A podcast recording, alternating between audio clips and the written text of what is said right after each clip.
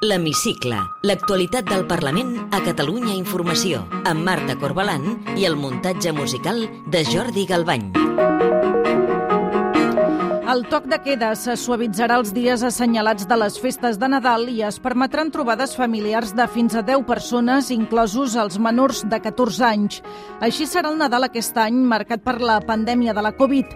El govern ha exposat els detalls aquesta setmana al Parlament.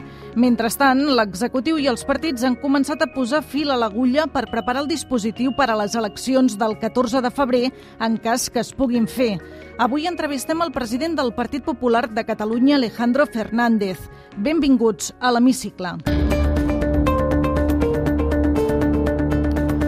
Als àpats nadalencs es permetrà un màxim de 10 persones a taula, incloent-hi els nens, i no es podran barrejar més de dues bombolles de convivència. El confinament nocturn començarà dos quarts de dues de la matinada, la nit de Nadal i la de Cap d'Any. També es flexibilitzarà el toc de queda la vigília de Reis, que començarà a les 11 de la nit per facilitar l'activitat comercial. Així és com es viurà aquest any el Nadal a Catalunya. Tot i aquesta flexibilització, el vicepresident del govern Pere Aragonès demana responsabilitat a tots els ciutadans. Fer-ho amb la màxima seguretat i amb tota la responsabilitat, perquè tots i totes hem de tenir molt present que hem d'evitar que el tombant d'any sigui la llavor d'una tercera onada. La consellera de la presidència, Meritxell Budó, també ha incidit a fer una crida a la responsabilitat. Ho estem fent bé, però hem de seguir fent-ho bé. No ens podem relaxar i no podem abaixar la guàrdia. Cal que complim amb totes les mesures que estan decretades perquè, ens les, perquè les entenem i perquè ens les creguem, i no perquè ens hi obliguin. Tot i la flexibilització de mesures per Nadal, els indicadors empitjoren i Catalunya no canviarà de fase aquest dilluns. Per tant, es mantenen les restriccions actuals durant 15 dies més. L'oposició ha tornat a carregar contra la gestió que està fent el govern de la pandèmia. Així de contundent s'ha expressat el cap de l'oposició, Carlos Carrizosa, de Ciutadans. Este govern es una jaula de grillos. Nos jugamos las navidades en familia por su gestión tardía, ineficaz unilateral o directamente inexistente. El líder del PSC, Miquel Iceta, també reprova la gestió del govern. Tenim un govern que desafina, sembla no tenir partitura i no para de desentonar. I ni en el pitjor moment són capaços de tenir un comportament a l'alçada de la responsabilitat que tenen. Des dels comuns, la diputada Marta Ribas ha fet aquesta petició a l'executiu. Per favor, per favor, aturin ja el desgavell comunicatiu d'aquest govern. Deixin de contradir-se públicament dia sí, dia també com a govern. La gestió d'aquesta crisi ha de passar per sobre dels jocs electorals que tenen. La diputada de la CUP, Maria Sirvent, insisteix a demanar mesures socials i no només restriccions. Deixant enrere la comprensible improvisació dels primers mesos, cal que les mesures restrictives vinguin eh, acompanyades de mesures socials. Des del Partit Popular de Catalunya, Alejandro Fernández ha suggerit al govern que agafi Madrid com a model. Són molts els catalans de totes les ideologies que al principi es miraven la gestió de Madrid d'una manera i que ara se la miren d'una altra. Aquelles coses que funcionin no només de Madrid, sinó de qualsevol altra comunitat autònoma, agafin-les. No tinguin por a l'autoesmena. La pandèmia també condicionarà les eleccions catalanes previstes per al 14 de febrer.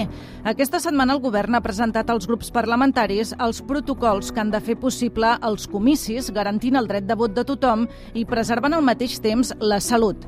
Els documents amb què es treballa preveuen ajornar les eleccions només en cas de confinament total i també si s'estigués en un escenari d'aturada social amb risc molt elevat per a la salut i de col·lapse del sistema sanitari. Si s'hagués d'ajornar la data, es buscarà el màxim màxim consens entre partits. El conseller Bernat Soler, responsable de processos electorals, ha deixat clar que les eleccions només es poden endarrerir per criteris sanitaris i no per cap altre motiu. Una decisió que, sens dubte, únicament ha de tenir eh, en compte el punt de vista epidemiològic. Cap altre element ha de condicionar la decisió que s'acabi prenent. I, per tant, en aquest sentit, hem de fer, apel·lem a un exercici d'objectivitat i de transparència. Per organitzar les votacions, el govern demanarà a la Junta Electoral que els col·lectius vulnerables puguin votar de 9 a 12 del migdia. Per als ciutadans que no siguin de risc i que no estiguin en quarantena, se'ls reservarà la franja de 12 a 2 quarts de 8 del vespre. A aquella hora es faria una pausa de 30 minuts per desinfectar els espais electorals i de 8 a 9 de la nit podrien votar els positius per Covid i contactes estrets. Per tant, s'allargaria una hora més la jornada electoral. De totes maneres, es vol potenciar vot per correu. Pel que fa a la campanya, es preveu que duri 15 dies, com sempre, tot i que alguns partits són partidaris d'escurçar-la a una setmana. Es demana que es fomentin els actes telemàtics i, si no, que es facin a l'aire lliure, amb registre d'assistents i respectant els límits d'aforament. Mentre el govern i els grups estudiaven el dispositiu electoral, el Tribunal Suprem revocava el tercer grau als presos independentistes i els denegava també l'aplicació de l'article 100.2 del règim penitenciari. La justícia considera que el tercer grau és prematur.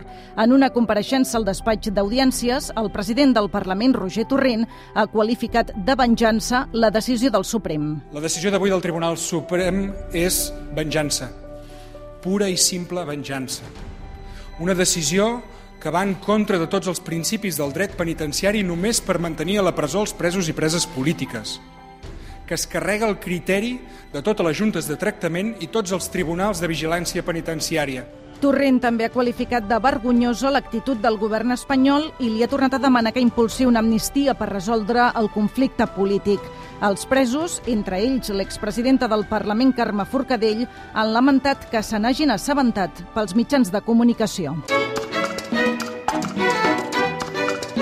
Té la paraula Alejandro Fernández, president del Partit Popular de Catalunya i diputat al Parlament. Gràcies per atendre'ns a l'hemicicle de Catalunya Informació. El govern ha anunciat aquesta setmana el pla per poder celebrar Nadal. Ha flexibilitzat el toc de queda durant els dies més assenyalats de les festes i també es permetran reunions familiars de fins a 10 persones. Els experts temen que vingui una tercera onada de la pandèmia després de Nadal. Creu que el govern ha relaxat massa les mesures? Bé, jo en, la, en el que són mesures eh, estrictament sanitàries eh, acostumo a ser molt prudent perquè no sóc un expert i parteixo de la base que la gent que les planteja ho fa amb la millor de les intencions i, per tant, eh, assessorada i eh, no hi entro, no? Eh, crec que, vaja, per la, la sensació que, que tenim en relació a les, reunions familiars és que, que semblen mesures assenyades, on el més fonamental de tot també serà l'autoresponsabilitat i, i de les pròpies famílies. Jo el que sí que demanaria, perquè ja s'ha demostrat que no hi havia una relació causa-efecte entre la millora de les dades sanitàries i el tancament de la restauració i de l'oci, que eh, l'obertura que sigui evidentment controlada amb totes les garanties, però que no tornin a ofegar un sector eh, tan important per l'economia catalana. Aquest divendres el govern s'ha reunit amb els grups parlamentaris per explicar-los el dispositiu per a les eleccions del 14 de febrer. Creu que aquestes eleccions perillen per la pandèmia?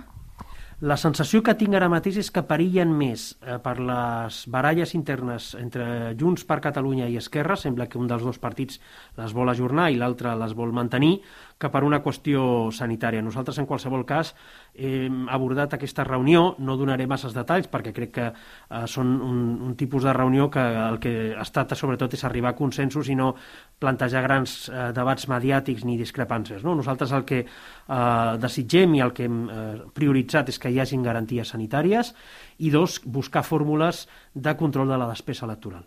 Per tant, temen que algun partit vulgui ajornar aquestes eleccions més per interessos electorals aprofitant el rerefons de la pandèmia? Tenim aquesta sensació, la senyora Meritxell Budó se li va escapar. Després va haver de rectificar o li van dir que rectifiqués, però ja va insinuar que la seva intenció era ajornar-les. No? Dins del pacte de pressupostos de l'Estat, el PSOE i Esquerra han acordat impulsar una harmonització fiscal entre comunitats autònomes, la qual cosa ha irritat, podríem dir-ho així, la presidenta de la Comunitat de Madrid, Isabel Díaz Ayuso. Davant d'aquesta proposta d'harmonització que plantegen el PSOE i Esquerra, vostès què defensen? Primer, el que manifestem és una sorpresa que aquestes alçades Esquerra, Esquerra plantegi una loapa fiscal, perquè això és una harmonització fiscal. Eh, és sorprenent que la gent que diu que són independentistes ara resulta que van al Pedro Sánchez com si fos el primo de Zumosol a demanar-li que pugi els impostos a Madrid. La segona qüestió és que a mi el que m'agradaria és que es baixessin els impostos a Catalunya. En aquest cas, més absolutament indiferent el que facin els madrilenys en el sentit eh, que jo soc català, visc a, a Catalunya, a Tarragona concretament, i pago els impostos aquí i en conseqüència a mi el que m'agradaria és deixar de ser la comunitat autònoma amb més càrrega fiscal. El govern espanyol del PSOE i d'Unides Podem vol impulsar una reforma del delicte de sedició per alleugerir les condemnes dels presos independentistes i també està tramitant les peticions d'indult. El PP creu que aquestes dues vies poden servir per destensar el conflicte polític català? Miri, tant de bo, però tinc la sensació que seria pel contrari. Primera qüestió, la tipificació d'un delicte mai es pot fer adreçada a una persona, ni a dos. Ha de respondre doncs, a un bé comú, a una necessitat general. En segon lloc, crec que és un, un missatge negatiu eh, no només per a, per a aquesta situació o per a aquest delicte. No? Eh, la idea eh, que es pot indultar algú que diu que tornarà a cometre el mateix delicte doncs bé, si això s'apliqués a la resta de delictes, tindríem una societat absolutament ingovernable i que seria eh, absolutament caòtica. No? Per tant, no crec, eh, francament, que això sigui solució de res eh, i nosaltres, evidentment, no hi estem a favor. I què proposa el seu partit per solucionar el conflicte polític català? Nosaltres hem defensat eh, el que sempre hem defensat i creiem que és l'únic que ha funcionat, que és la concòrdia de l'esperit eh, constitucional. El Partit Popular ha descartat fer una coalició amb Ciutadans per anar junts a les eleccions catalanes del febrer. Creuen que sols poden fer un millor resultat? La veritat és que jo no diria que nosaltres ho hem descartat. De fet, qui ha fet l'anunci que anirien en solitaris la senyora Inés Arrimadas. De tota manera, no convertiré això amb una mena de serial de retret sobre qui eh, no volia o no volia. Jo crec que el Partit Popular de Catalunya té el seu projecte polític, que és un projecte polític que és una alternativa al eh, independentisme, però també és una alternativa a l'esquerra. Crec que Ciutadans doncs, ha fet a Catalunya i a la resta d'Espanya doncs, una estratègia d'apropament al Partit Socialista, tenen tot el dret del món a fer-ho, és la seva estratègia, però no és la nostra. El fet que no vagin junts amb Ciutadans abans de les eleccions podria dificultar possibles enteses postelectorals? No tindria per què. Nosaltres tenim molt clar que, eh, evidentment, eh, hi ha unes determinades forces polítiques amb les que seria impossible entendre's, però l'endemà de les eleccions hi ha unes altres que nosaltres volem eh, plantejar una alternativa i, i evidentment, Ciutadans és, és una d'elles. Si li sembla bé, entrem ja en el terreny més personal. A banda de ser soci del Nàstic, ho és d'algun altre club esportiu? Bueno, la, no, soc, soc culer, però no, no he sigut mai soci. Entre altres coses perquè ser-ho a, a, a Tarragona és una mica més complicat per treure rendiment de, de, per treure rendiment del carnet, no? per dir-ho d'alguna manera. He, he estat molt assidu al Palau Laurana per veure el handball, perquè vaig ser jugador de handball fins als 18 anys i m'agrada molt aquest esport i, i, i he anat molt sovint, però també he anat al, al Nou Camp. Darrerament, menys no puc negar que de vegades l'ambient eh, polític ha enrarit una mica, sobretot si algú et reconeix, no, no és tan fàcil eh, anar, anar a aquests espais. M'han dit que, a banda de l'esport, la gastronomia és una debilitat seva. També es defensa bé davant dels fogons? La veritat és que aquí, eh, si digués el contrari, si digués que em defenso bé, mentiria. Digui'm si té algun racó preferit a Tarragona. M'agrada molt... Hi ha un joc sentimental que no, no és que sigui especialment bonic, eh, que és del barri de Sant Pere i Sant Pau, que és eh, el meu barri, que li diem la persiana. Però era el lloc on assèiem els amics pràcticament des dels 14 fins als 20 anys, cada tarda després de l'institut, del col·legi, del que fos, quedàvem allà, no? I de vegades quan encara passo eh, per allà, doncs, evidentment, t'entra la nostàlgia, i és un petit racó que per mi sentimentalment té molt valor. Ja sé que no és ni un espai conegut de Tarragona ni res semblant. Digui'ns un defecte i una virtut de vegades eh, puc ser massa orgullós i l'orgull no és bo. Eh, tinc molt bona memòria. I ja per acabar, completi la frase següent. El que més m'agradaria del món és... El que més m'agradaria és que un món que, que hagués superat aquesta pandèmia. Alejandro Fernández, president del Partit Popular de Catalunya i diputat al Parlament, gràcies per atendre'ns a l'hemicicle de Catalunya Informació. Moltíssimes gràcies a vosaltres i una abraçada ben forta també a les persones que s'estiguin escoltant. Gràcies.